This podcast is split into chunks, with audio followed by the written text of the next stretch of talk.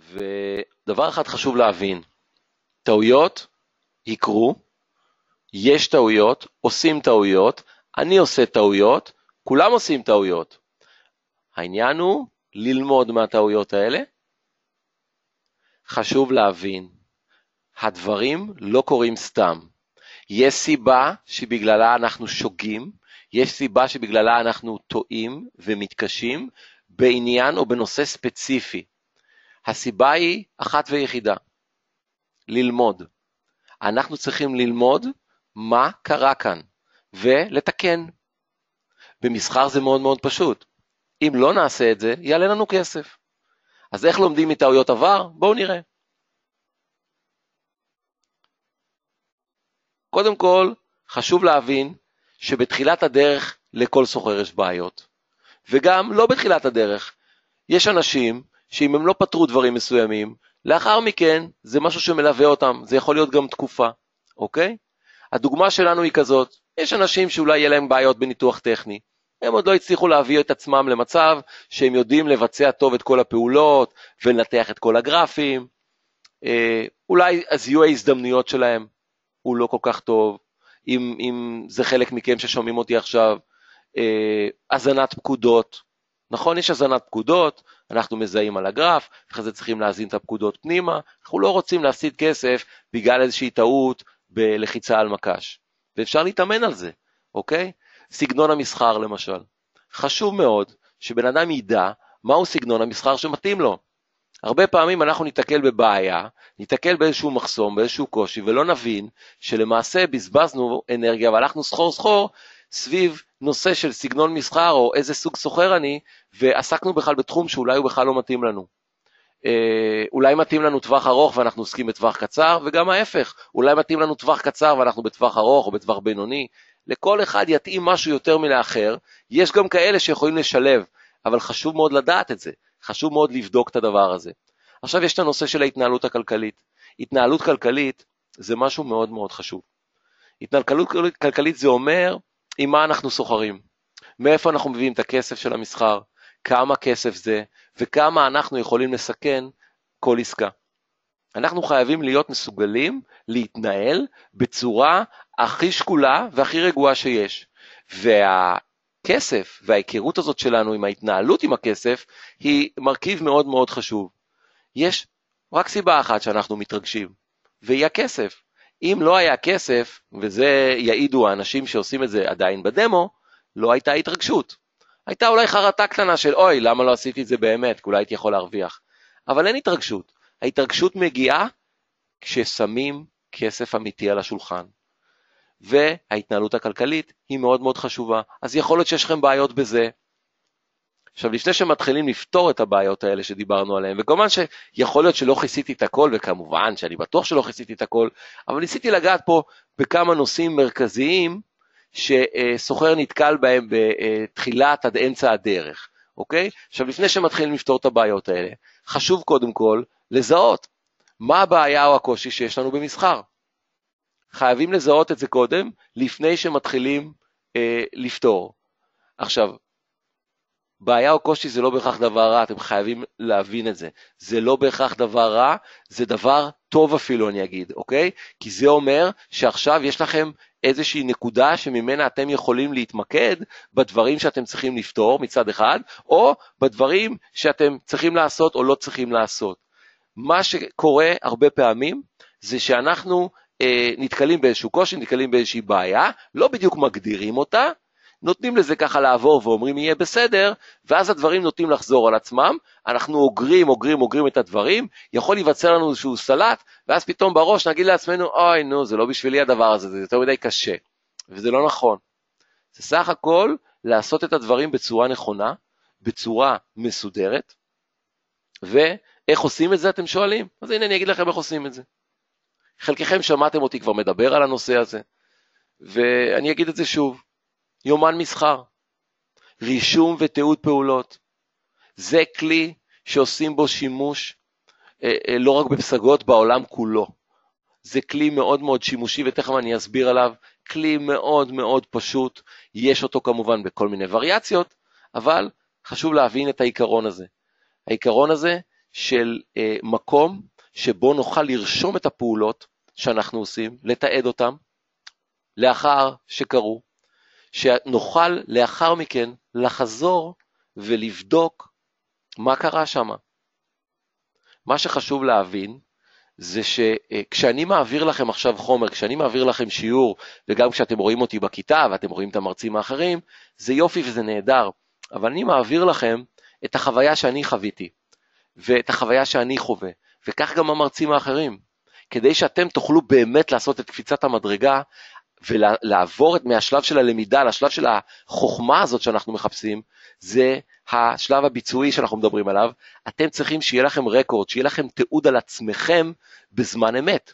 ואת זה אפשר לקבל מלרשום, מיומן מסחר. יומן מסחר ייתן לכם את זה, ואני אגיד לכם עוד הרבה מאוד דברים שהוא ייתן לכם. אנחנו נתחיל לעבור על זה, כי זה משהו מאוד מאוד חשוב, אוקיי? אז בואו נראה מה כדאי לרשום.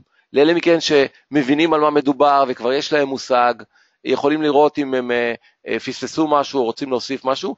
לאלה מכן שעדיין לא עשו את זה, יכולים עכשיו לראות איך עושים את זה. שימו לב. אז קודם כל, אה, בדוגמה של מניות, אוקיי? אז רושמים שם של מניה, תאריך, מחיר הקנייה, אתם יכולים לראות את זה על המסך, אבל מה שאותנו יותר מעניין זה מחשבות, רגשות, טעויות, מסקנות, הערות, חשוב לדעת מה היו הדברים האלה. אתם לא יכולים לזכור מה קרה שם. תחזרו אחרי חודש, לא תדעו מה קרה. כמה מכן זוכרים מה הם אכלו לארוחת צהריים שבוע שעבר? לא נראה לי, וגם אם יש אחד שם, יופי, כל הכבוד. אבל באופן עקרוני, אתם מבינים את זה.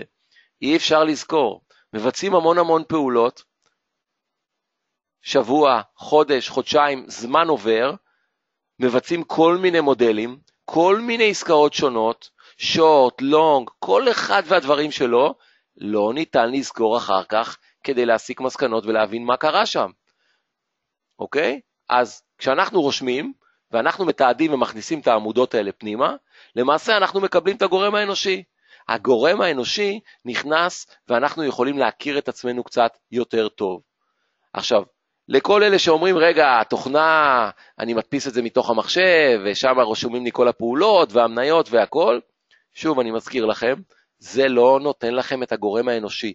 מה שאנחנו באים ללמוד פה זה על עצמנו, איך אנחנו מתנהלים כדי שאנחנו נוכל לפתור את הבעיות ואת הטעויות שלנו, אוקיי?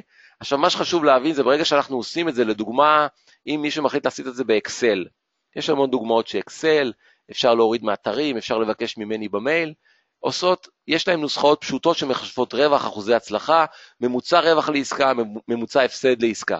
זה דברים שהם טריוויאליים, אוקיי? זה לא הדבר הכי חשוב כרגע. מה שחשוב זה להתחיל את עבודת התיעוד, כדי שנוכל לבדוק את עצמנו, אוקיי? לאחר מכן, התוצאות נותנות לנו תמונה מהן הנקודות שבהן אנחנו חזקים כסוחרים, ואלה נקודות אנחנו חלשים. חשוב מאוד לדעת את זה. אם לא תדעו את ההבדל בין מה אני טוב ומה אני לא טוב, הראש שלכם, אם אנחנו מדברים על קטע מנטלי, הראש שלכם יגיד לכם שאתם לא טובים בכלום, ושהגיע הזמן שתפרשו ותעזבו. זה מה שהוא יגיד לכם. כי הוא לפעמים, יש לו קצת נטייה להיות שלילי. ואנחנו לא רוצים את זה, אז אנחנו רושמים, וברגע שאנחנו רושמים, יש לנו הוכחות. אנחנו רואים, הנה, בזה אני טוב, בזה אני פחות טוב. במודל הזה אני מצליח, במודל הזה אני פחות מצליח. למה? יש לי סטטיסטיקה.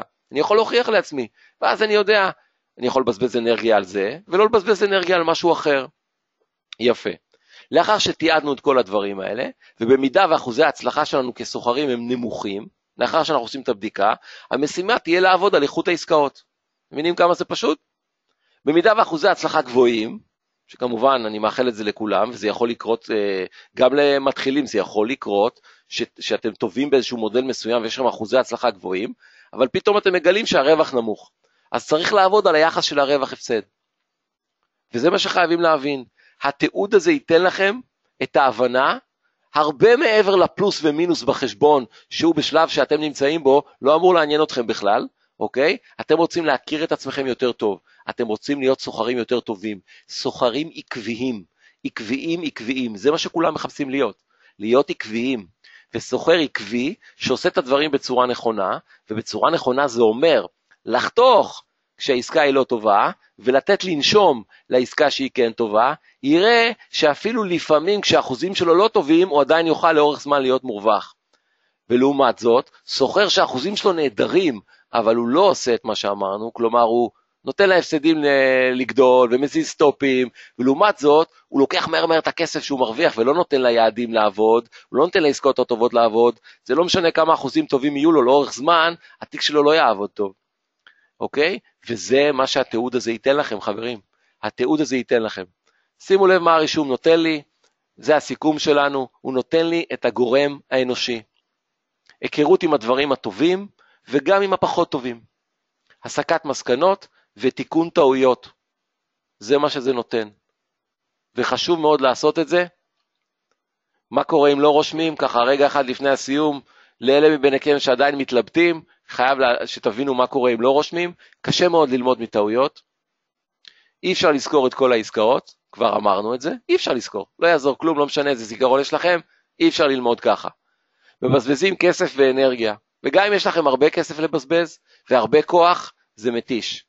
זה מתיש, וללמוד בצורה הזאתי לא מומלץ. זה גורם לאיבוד של הביטחון, ואתם יודעים את זה. אנחנו מאבדים את הביטחון, אנחנו לא יודעים בדיוק איזה טעות עשינו ולמה עשינו, אין לנו איפה לבדוק, פעם הבאה שאנחנו באים לעבוד אנחנו עובדים עם קצת פחות ביטחון. יש נטייה לחזור על טעויות. למה? לא הסקנו מסקנות, לא הבנו בדיוק מה קרה, לא ניתחנו את זה לעומק, חוזרים על אותה טעות. ואתם יודעים מה אומרים על מי שחוזר על טעויות וחוזר וחוזר וחוזר. אנחנו לא רוצים שזה יקרה לנו במסחר, זה יעלה הרבה כסף. וכמובן, הדבר האחרון שאנחנו רוצים זה להתייאש ולהרים ידיים. ויש אפשרות שגם זה יקרה. אם אנחנו לא נפענח את הבעיות ונפתור אותן, גם זה יכול לקרות, אוקיי? מה שחשוב להבין, שהסוחרים הטובים רושמים. ולא תצטרכו לעשות את זה כל החיים, אני יכול להרגיע אתכם, אבל בשלב הזה, בשלב ההיכרות הזה שאתם עושים עם עצמכם, אתם צריכים לרשום ולתעד, ויש שבלונות מוכנות כאלה, יש יותר גדולות, יש יותר קטנות, כל אחד איך שהוא רוצה אפילו במחברת, העיקר להתחיל לרשום ולתעד. שוב אני אומר, מי שרוצה ממני מסמכים, רוצה ממני חומר, לוקח את הפרטים, שולח לי מייל בסוף השיעור ומקבל את השבלונות האלה.